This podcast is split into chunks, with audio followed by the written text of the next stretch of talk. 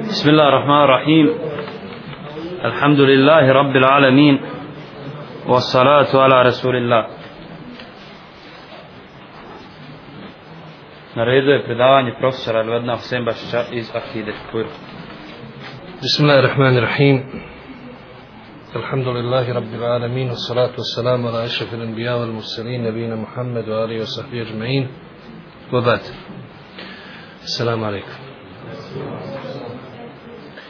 Mi smo rekli da ćemo ovaj puta govoriti o dijelima srca.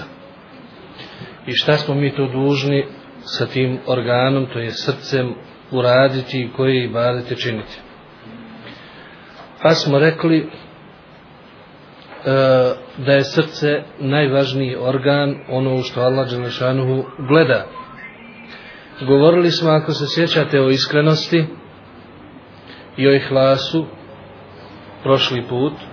Danas ćemo govoriti o drugom jednom dijelu srca, a to je jekin. Jekin. Ili ima neko da nije čuo za riječ jekin? Kada pa mu nije jasno šta je jekin? Pa šta je to jekin onda? nije samo ubjeđenje. Hm. Čvrsto uvjerenje, dobro, čvrsto ubjeđenje. Kažu naši učenjaci sljedeće, jekin je Znači, jekin je da srcem vjerujemo u gajb isto kao što vjerujemo u ono što vidimo očima. Znači isto kao što ja vas sada vidim ovdje i vi vidite mene, tako isto da vjerujemo i u džennet i džehennem.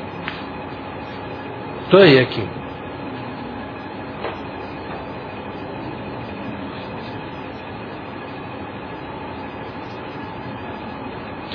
Znači to je jekin. Kaže učenjaci suština jekina je da je to čvrsto ubjeđenje u ono što saznamo o nečemu i podrazumijeva dvoje. Znači, kad kažemo jekin u akidi, u našem vjerovanju, u našoj vjeri, podrazumijeva dvije stvari. Prvo, podrazumijeva znanje koje se nalazi u srcu. I drugo, podrazumijeva da srce radi i pokreće se na osnovu tog znanja.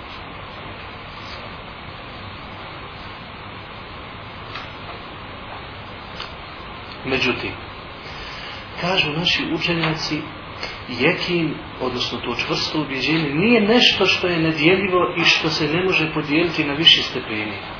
I kažu nam da postoje tri stepena jekina. Znači jekin, možemo, ili ljude u odnosu na jekin, znači to čvrsto ubjeđenje, možemo podijeliti u tri skupine ili na tri stepene. Pa koje je prvo? prvi stepen je ilmu ljekin. Ilmu ljekin. Je li čuo neko nekad za taj izraz? Ilmu ljekin. Dobro, nema veze. Ako niste čuli, sad ćete čuti. Znači, ilmu ljekin to je prvi stepen. I najniži. I on je uslov da bi čovjek bio vjernik i da bi ušao u džanet.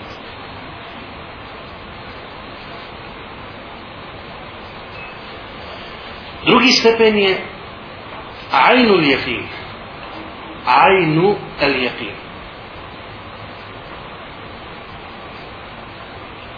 ajnu el jeqin to je sad već veći stepen a kažu učenjaci to znači da vidimo ono u što smo vjerovali već znači kad dođemo na ahiret i kad vidimo džennet i džennem to će tad biti ajnu el jeqin I treći stepen je hakul jekin hakun jehin, to je znači ono kad već možeš opipati ono što si čuo i što si vidio, pa dođeš ti to osjetiš. To je kad se uđe već u džetu. Hakun jehin. Znači ja sam pokušao nekako to da prevedem, pa ću ja vama da približim, to je ovdje. Znači prvi ilmu jehin, to bi otprilike bio kao jehin znanje. Znači o znanju saznamo nešto i vjerujemo. I zato ga učenjaci definišu i kažu ilmu nekin, to je čvrsto vjerovanje bez imalo sumnje. I rekli smo da je uslov da bi čovjek bio vjernik. I spominje se u ajetu u kojoj Malošanu kaže Kella leu ta'lamune ilme ljeki. E, A ne kad biste vi samo znali ilmu, imali ilmu ljeki. Ilm ljeki znači to taj najniži stepen ubjeđenja. Znači to smo rekli da pokuš, kao prevod neki jehin znanje. Druga vrsta, rekli smo da je to ajnul jehin, to je kao nekakav jehin viđenja i, i, i ubjeđenja očima što mi rekao da je to istina, da vidimo svojim očima. To je ovaj drugi stepen I ako se sjećate ajeta iz sure El Bekare, u kojoj Mala Đelešanu kaže o, o, o Ibrahimu a.s. Rabbi erini kejfe tuhil neuta. Kaže Ibrahim a.s. Gospodaru moj, pokaži mi kako oživljavaš umrli. Pokaži mi, erini, daj da vidim. Znači Ibrahim bukvalno traži gospodaru daj mi da vidim kako oživljavaš oživljavaš umrli. Da li to znači da Ibrahim sumnjao? Kažu učenjaci ne. Ibrahim je imao ilmu je tim. Onaj prvi stepen kojim se postaje vjernik i kojim se ulazi u džene. Ali je htio o, da okusi ovaj drugi stepen očima da se uvjeri.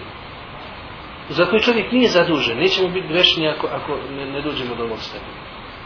Ali Ibrahim je htio i to očima da vidi, da se uvjeri.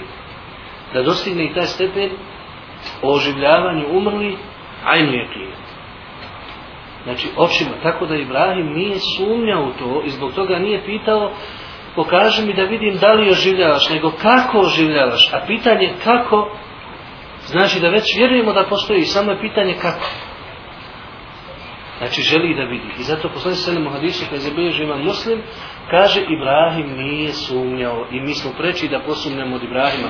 Znači Ibrahim je bio na većem stepenu jekina i vjere i slično da bi posumnjao od nas. Ako mi ne sumnjamo, znači da Ibrahim a.s. nije sumnjao. I Ibrahim u istinu nije sumnjao, nego šta? Želio je da se popne na taj drugi stepen jekina, a to je ajnu lijeki. Očima svojim da se uvjeri u tako nešto.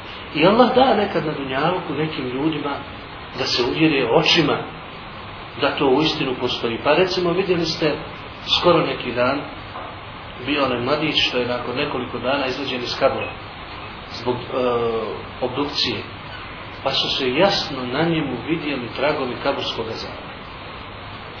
To očima, mi znamo za kaburski azab, vjerujemo, ali očima da nam Alšanu pokaže, da vidimo i toga će sve više biti pred kijametski dan od osobina dana koji će biti pred kiametski dan i da će se pojavljivati stvari, događaje i čuda kojima će Allah Đelešanu ljude dovesti na stepen ajnu rijepina. Znači očima svojim da se uvjere u to što se, što se govori i u čemu se nagovještava u ajatima i hadisi. Prema tome šta je, smo razumili ovaj drugi stepen? Ovaj drugi stepen ajnu rijepina. I treći stepen hakul jeqin to je ovako može se ka prevesti kao jekin obistinjenje, da se uistinu ono što, da što smo čuli i ono što smo vidjeli obistini u našim, našim čulima. Znači da mi to možemo dodirnuti, osjetiti sluhom, vidom ili dodirom. To je treći stepen i kažu učenjaci, to će se dogoditi nakon ono skočenje. Tek ćemo tada moći uistinu, mi ćemo, na ovom svijetu smo čuli i imamo ovaj prvi stepen, a, ilmu je tu. Pa ćemo na ahiretu, kad preselimo, doći na drugi stepen, to je ajnul je tu. A tek kad uđemo, ako Boga, od, od ljudi koji uđu u džene, onda će tek doći do ovog trećeg i posljednjeg stepena hakul je tim, gdje će se u istinu obistiniti sve ono što su slušali o džennetu i ono što su, što su pravili. Je li ima nesnuće u vezi sa ovim stepenima? koliko imamo stepenije hiljada? Imamo 300. I glasni imamo slobodno. Koji su? Imamo 300. Koji su? Prvi stepen je uh, ilmu jačin, uh, e, stepen. Drugi, pomoći pa mi ti. Ajnu ljepin i treći. Hakun ljepin. Znači ilmu ljepin. Ajnu ljepin. I hakun ljepin. Koji je uslov za ulazak u džennet? Ajnu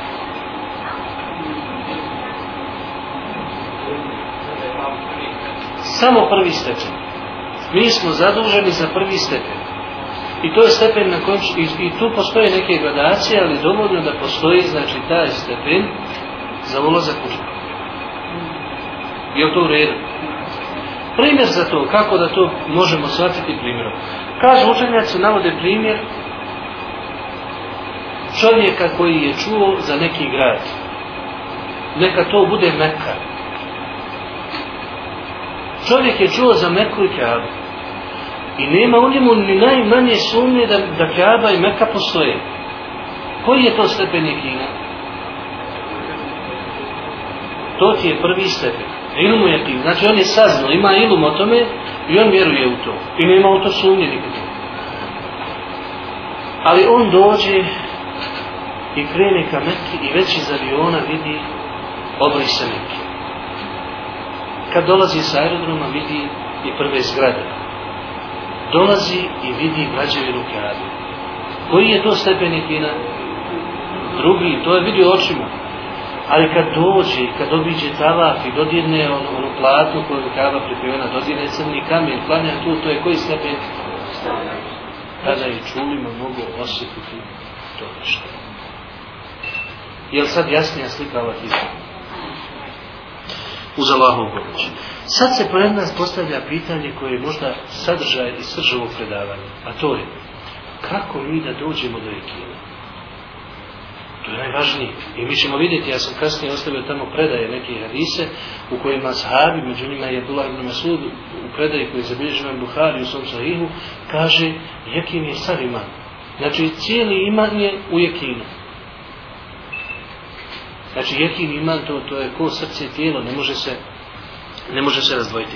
Pa nas interesuje sad kako mi to možemo postići. Kažu naši učenjaci nekoliko sljedećih stvari nam treba. Prvo, moliti Allaha u dovama da nam to podari. Moliti Allaha u dovama da nam to podari. Zar nisu u Allaha blagodati ovog i onog svijeta? Koja je najveća Allahova blagodat? Vjera prema čovjeku. Vjera prema čovjeku. I zašto da ne tražimo vjeru od Allaha Đelešanu. Prema tome moliti Allaha da nam to usadi u srce i da nam to daje, da nam to podari. To je prvo. Drugo, da stičemo znanje. Jer jakin je u principu najveći stepen znanja. I sticanjem znanja mi dolazimo do jakina postepeno. Ali kaže učenjaci, veoma važno je da, da stičemo znanje koje je u vezi sa dvome. Prvo, u vezi sa Allahom njegovim imenima, svojstvima, dijelima i tako dalje. Znači sve što je u vezi sa Allahom Đelšanu i znanjem o tome dovodi nas do jekina. I drugo, drugo znanje koje nas dovodi do jekina istinskog je da proučavamo sami sebe i ljude oko nas. Ali u kojem smislu? U smislu da uvidimo svoje manjkavosti, slabosti i manjkavosti i slabosti ljudi oko nas. Znači. I onda nas to šta dovodi do ekvina. Kao što kaže jedan od, od učenjaka, tek sam se odmorio od ljudi kada sam spoznao ko su ljudi. Znači, tek sam do Rahatluka došao kada sam spoznao ko su ljudi. Hoće da kaže, kad je spoznao da su ljudi svi potrebni Allah, Đelšanu, znači, ono, siromašni i, i tako dalje, da, su, da se na njih ne može čovjek osloniti u svojim potrebama, onda se tek odmorio i okrenuo se kome. Allahu Đelšanu. Treće, što je veoma važno, a to je da se ne izlažemo sumnjama, takozvanim šubhama koje dolaze u vezi sa objeđenjima. Da se ne izlažemo tim i takvim stvarima. Pa da se ne izlažemo mišljenjima da će i džernet i džernet nestati. Postoje li takva mišljenja? Postoji. Postoje mišljenje da će džehennema nestati, postoje mišljenje da će i džehennema i dženneta nestati, postoje mišljenje da nema dženneta nikako, nego da će ovaj svijet pretvori se u jednu oazu mira, ljepote, ljubavi, svi će ljudi živjeti tako dalje i tako dalje. Te ra razne nagloze koje nemaju osnove u vjerovijestičkim poslanicama i učenjima. Zašto da se izlažemo tim sumnjama? Jer mi ne znamo koja od njih će biti ta otrovna strelica koja će otrovati naše srce i naše obiđenje. Prema tome, čuvati se od toga veoma je važno. Četvrto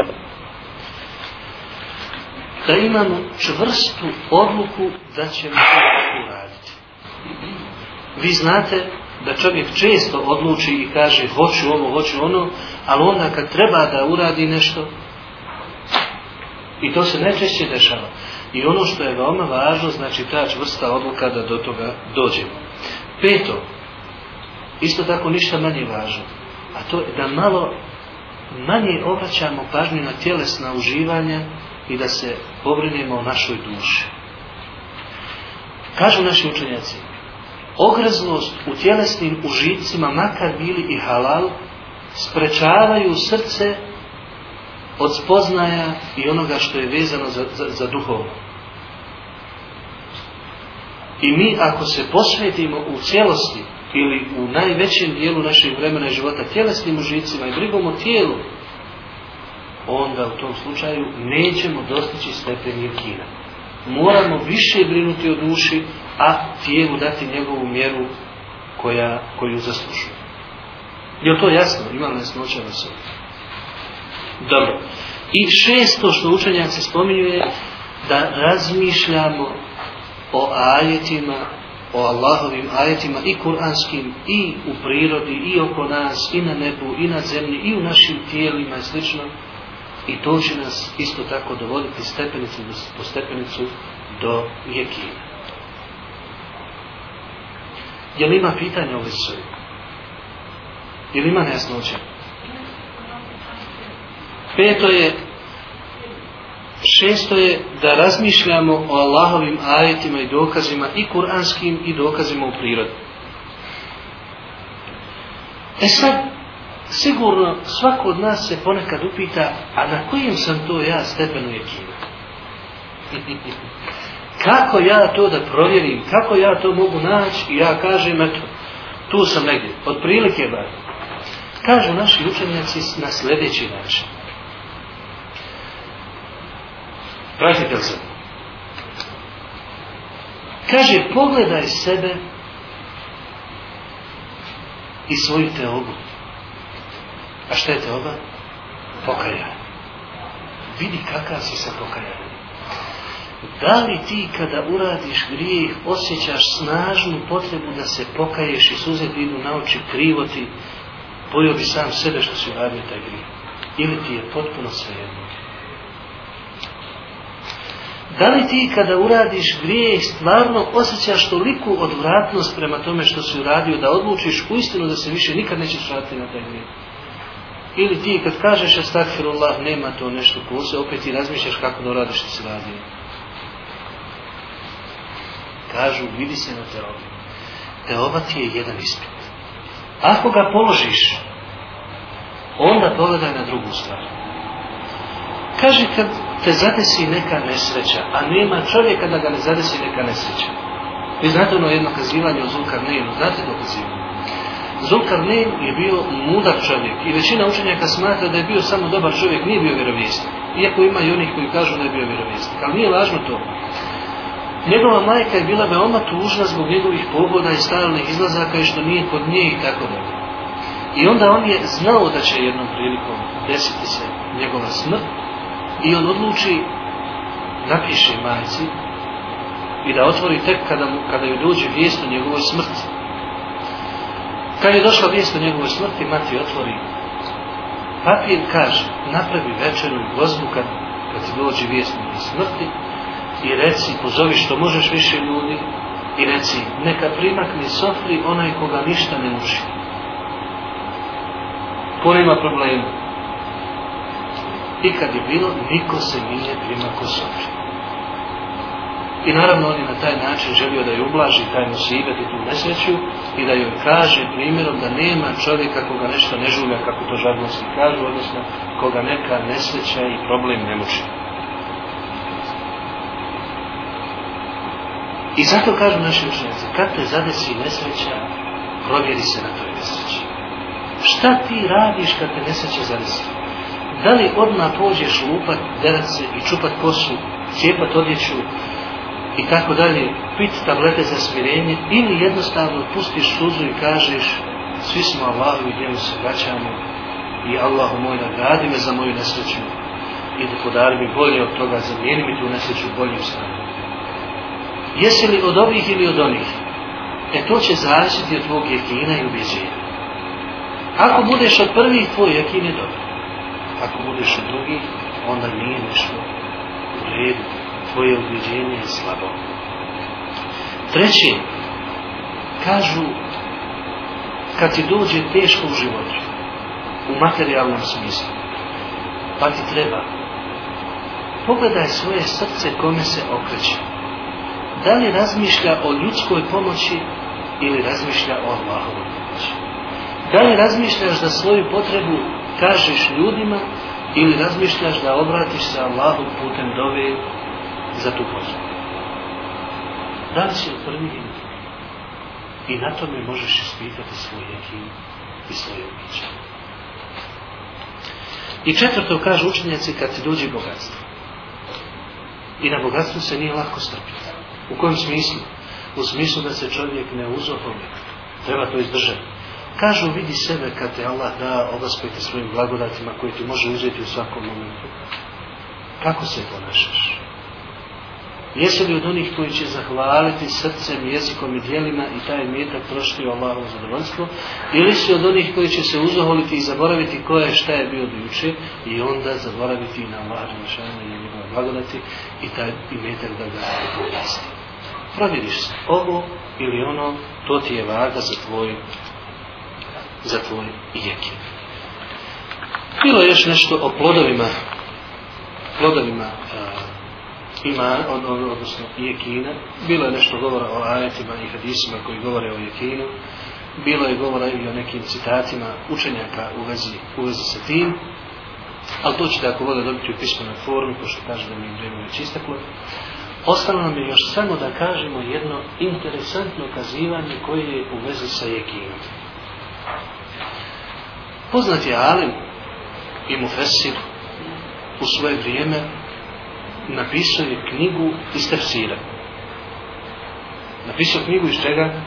Tefsira. Međutim, u to vrijeme knjige nije se štampala ovako, nego je moralo mnogo da se plati onima koji su pisali, zvali se Varlakun ili pisari. Odeši bili su, znači, profesionalci, ljudi koji su samo bavili se pisanjem rukopisa. I njima odnese šta si napisao, oni to napišu, fino stave u džild, to jest u kožu, tako note i to bude knjiga, ali to je bilo veoma skupo. On nije imao pare za to.